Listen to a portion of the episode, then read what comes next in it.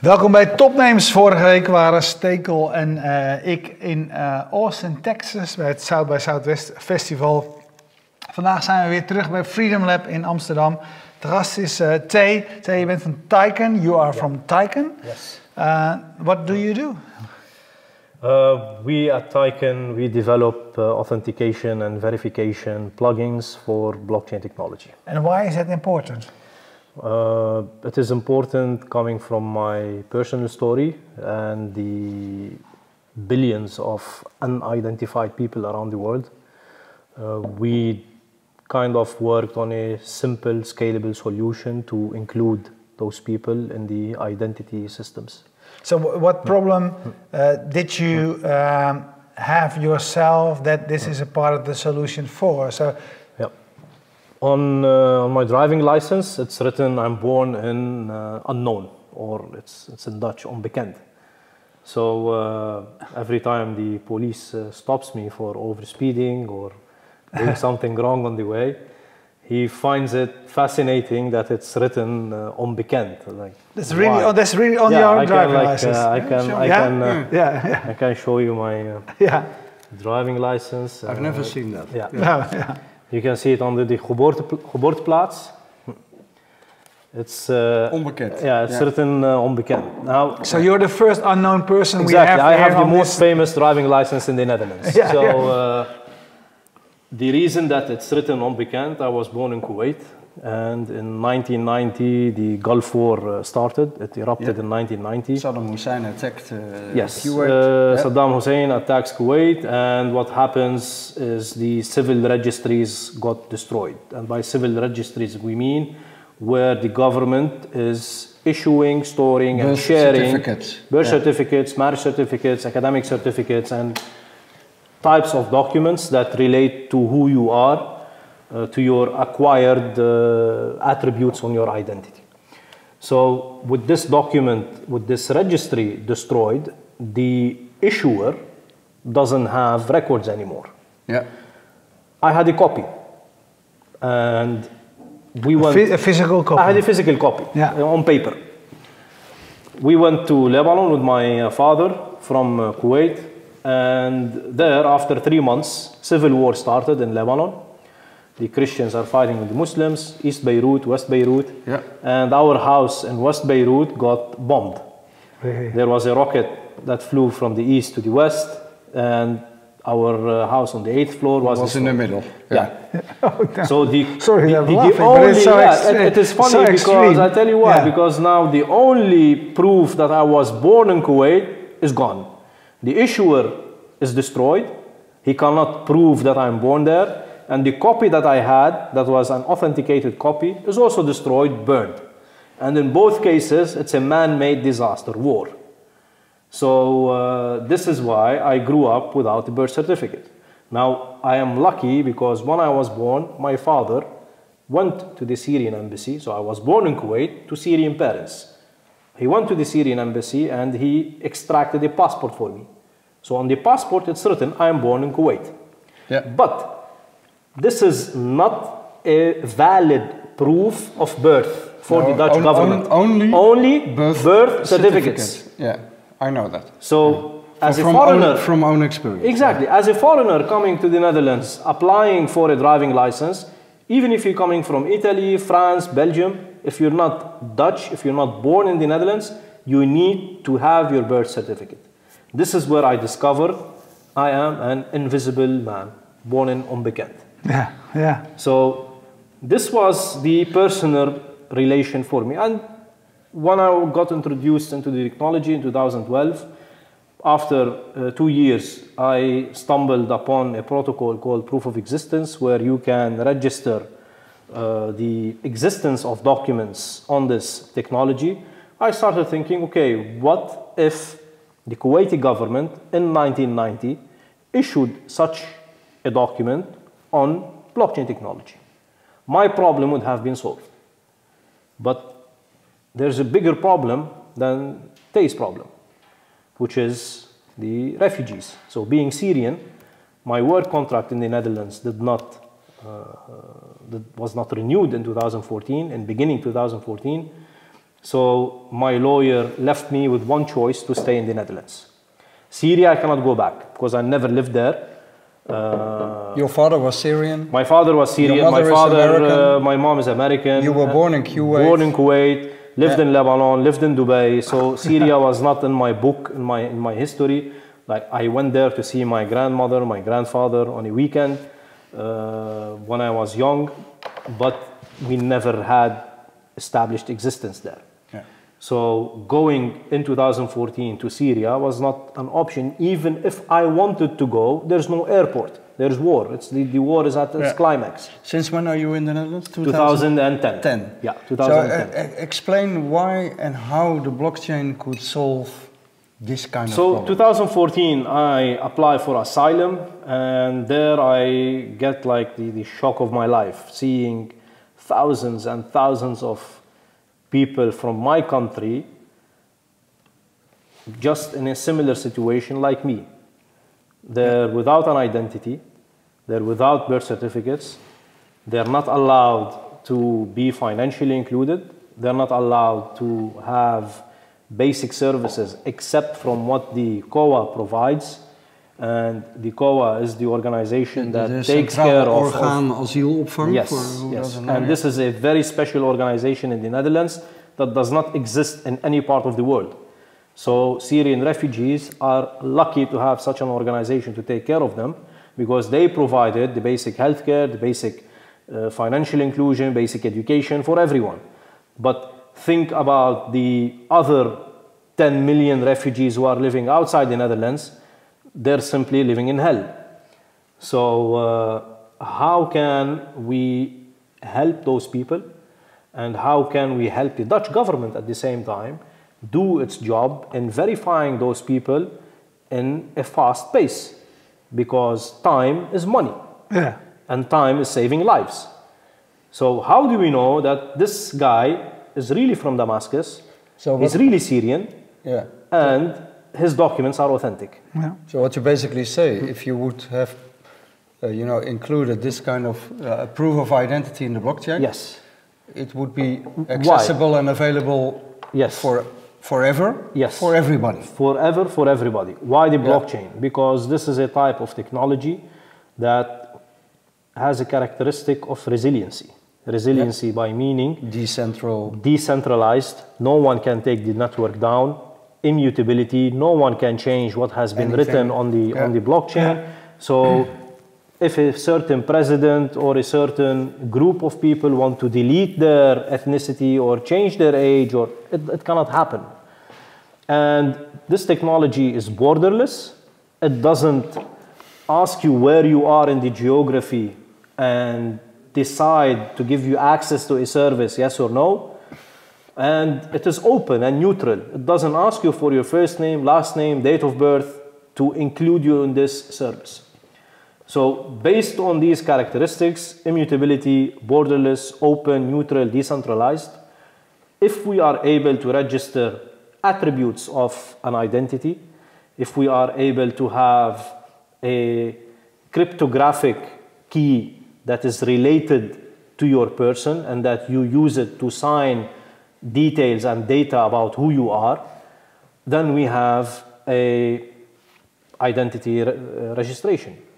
And the most important thing is we have it in a way that preserves the privacy of the user and provides the resiliency for organizations resiliency against fraud and resiliency against permanent loss. So, so how do you keep that privacy? Because you, as an owner, you, you decide who True. gets to know what. Yes, or- here we talk about what we call the DIDs, decentralized identifiers. These are set of cryptographic keys that relate to you. So you issue them, and with those identifiers, you relate to your first name, last name, date of birth, and all these schemas and claims. And with these claims, once an organization, let's say like the COA, comes in contact with you, they can verify them. So they ask you, What is your name? My name is Ahmad. The moment you land in Lesbos, they ask, What's your name? What's your age? Where are you coming from? I'm Ahmad, I'm 24, I'm coming from Damascus. This is registered.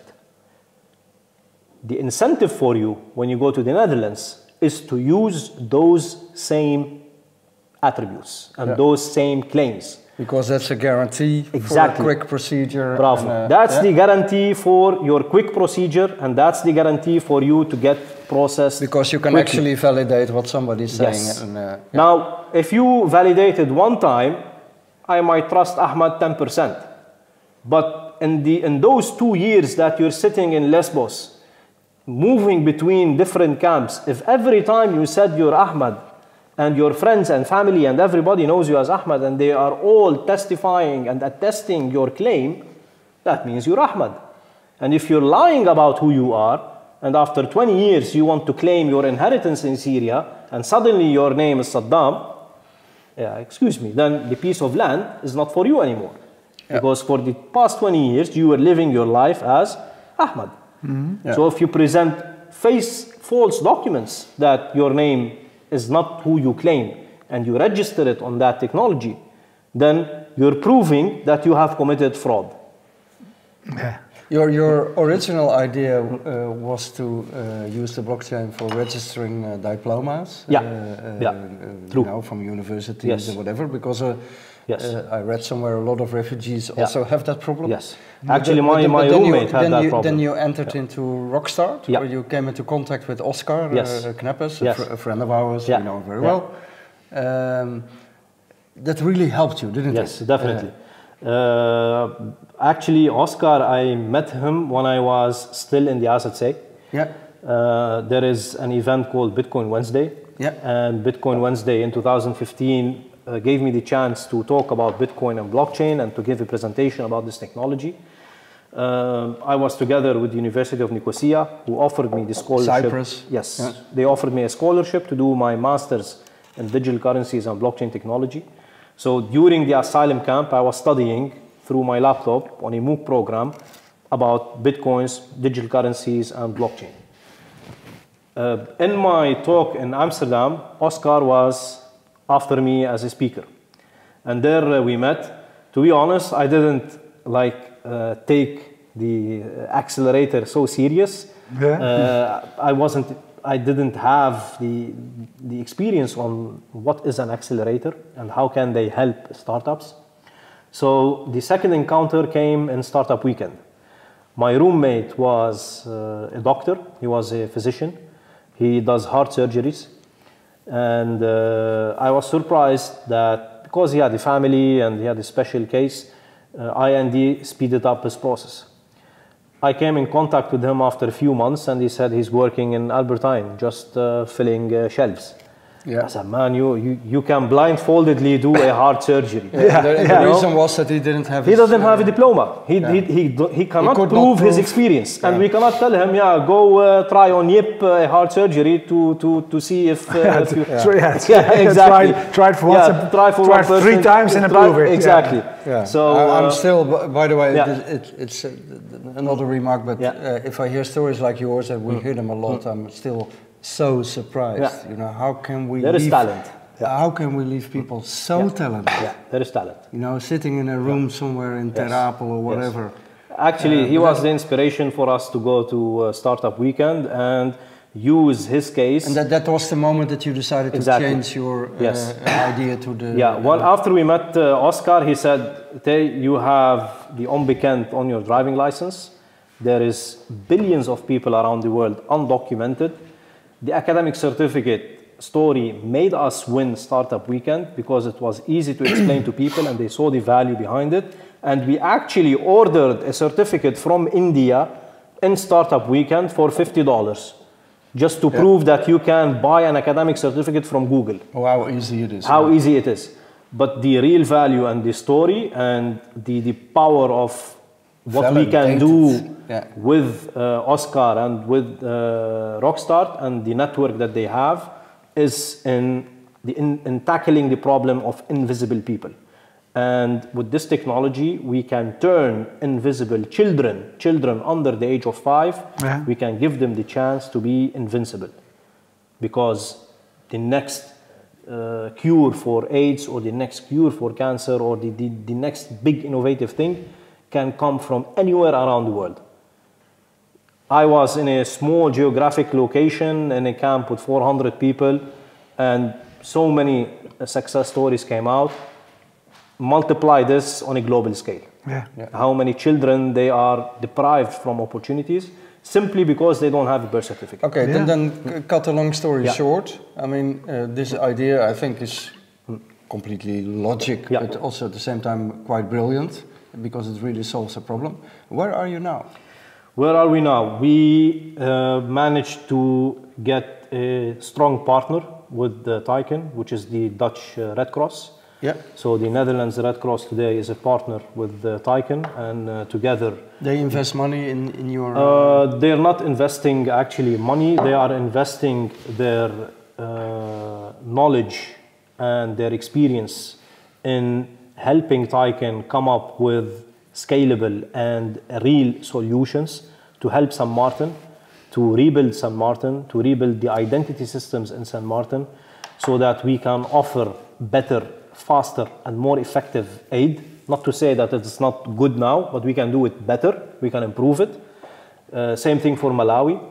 Uh, we have uh, on April 5 a uh, meeting with, we have actually a pitch in April 5 at the Humanity Hub in uh, Den Haag, Den Haag, yeah. where we will meet with the Ministry of Defense, with the Dutch Red Cross, and uh, Startup Delta to talk about how can we move this relief and rebuild San Martin mission on a faster pace. We are also active with the Dutch government. So I'm happy as a refugee to be able to talk to authorities and the government, something that I've never achieved. Not that we cannot do it, but we were not allowed to do it as culture in the Middle East to talk Yeah. with the government on innovation. So we have weekly meetings with the Minister of Interior, Ministry of Justice. I just came last week from the Marechaussee and the Tweede Kamer at the same day. In the morning we were with the Marechaussee, in the evening we were in the Tweede Kamer. So how brilliant is that for Yeah. me and my team and for Tykn to participate in this ecosystem and to lay down the foundations for the Dutch generation Yeah. so that in the future they can use these technologies and they will look at us, the people who helped regulators, who helped the Dutch government understand this technology and bring real Yeah. life uh, use cases. Hey, in, but uh, to be honest, I've never had a, a, a guest on this Yeah. table or, or a story on Yeah. this table that uh, at the same time depressed me more Yeah. about the state of the world and made me more optimistic because the strength of uh, strength of, of people uh, as you are. So thank you very much thank you guys uh, for for this. At the same time, we always ask the question, where's the business model? Yeah. What a stupid question it is. But is Yeah. there a business model Definitely, in there? there is a business model in selling business clients. So we talked about the validation, but actually, there is money, time, and frustration saved for NGOs like Red Cross, for governments like the Dutch government, in issuing, saving, sharing, storing I mean, digital it- IDs. I mean, let's be Yeah. honest. Uh, you know, I've, I've, as a journalist, Yeah. I traveled the world, and Yeah. I, I, I was in many refugee camps. Yeah. And in every refugee camps, there are 20, 30, 200 people working.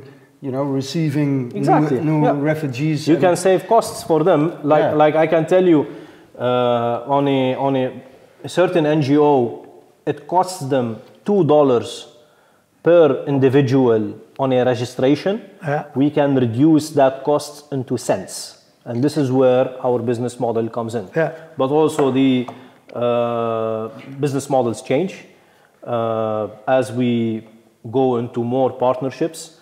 Uh, we realize that what is missing today in the market is also education.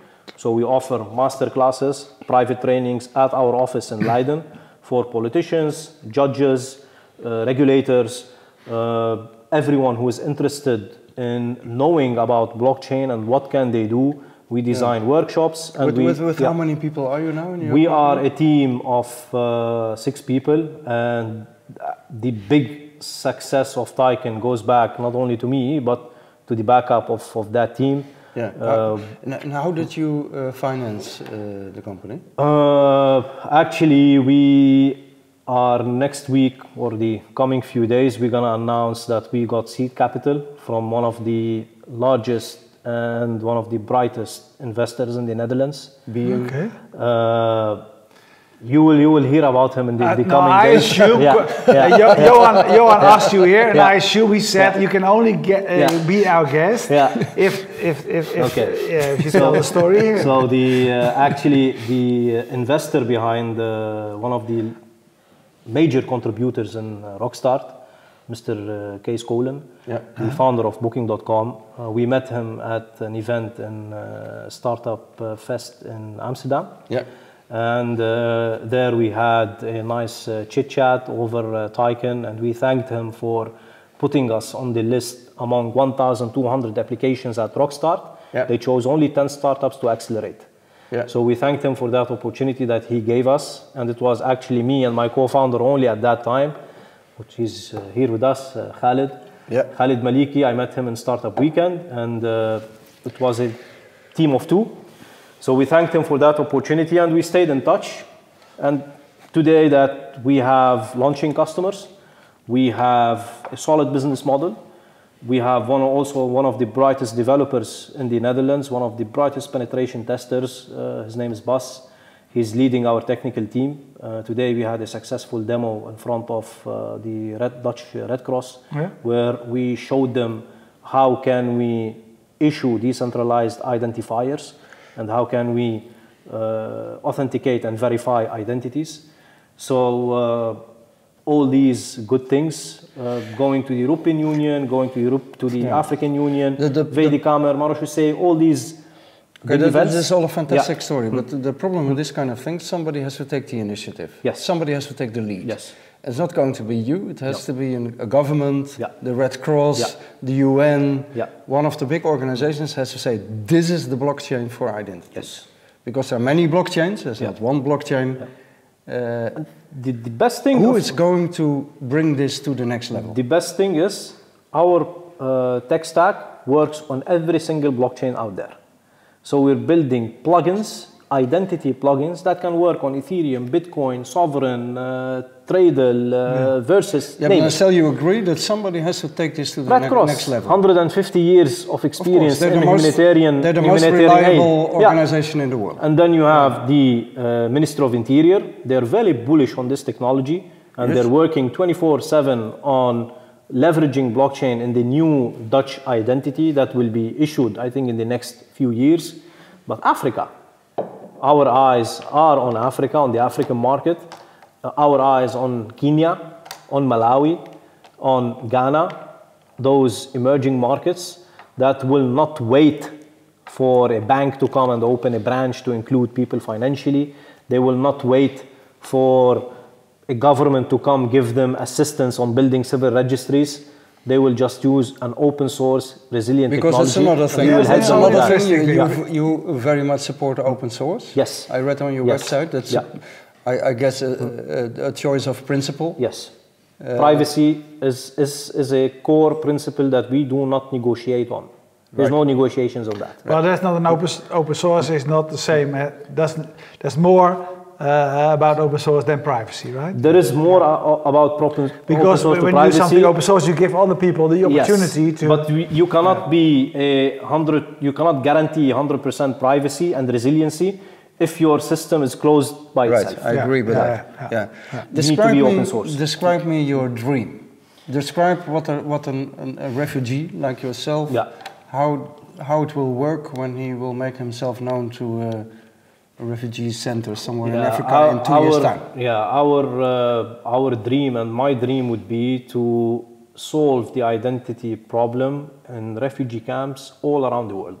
So how will it work in two How- years' time? in a years' refugee time- will will come from Sudan to a refugee camp in Kenya. They he will be say, carrying their here I am." phones. They will be carrying their phones with them, like what they are doing Yeah. today, or maybe they will be carrying chips in their arms.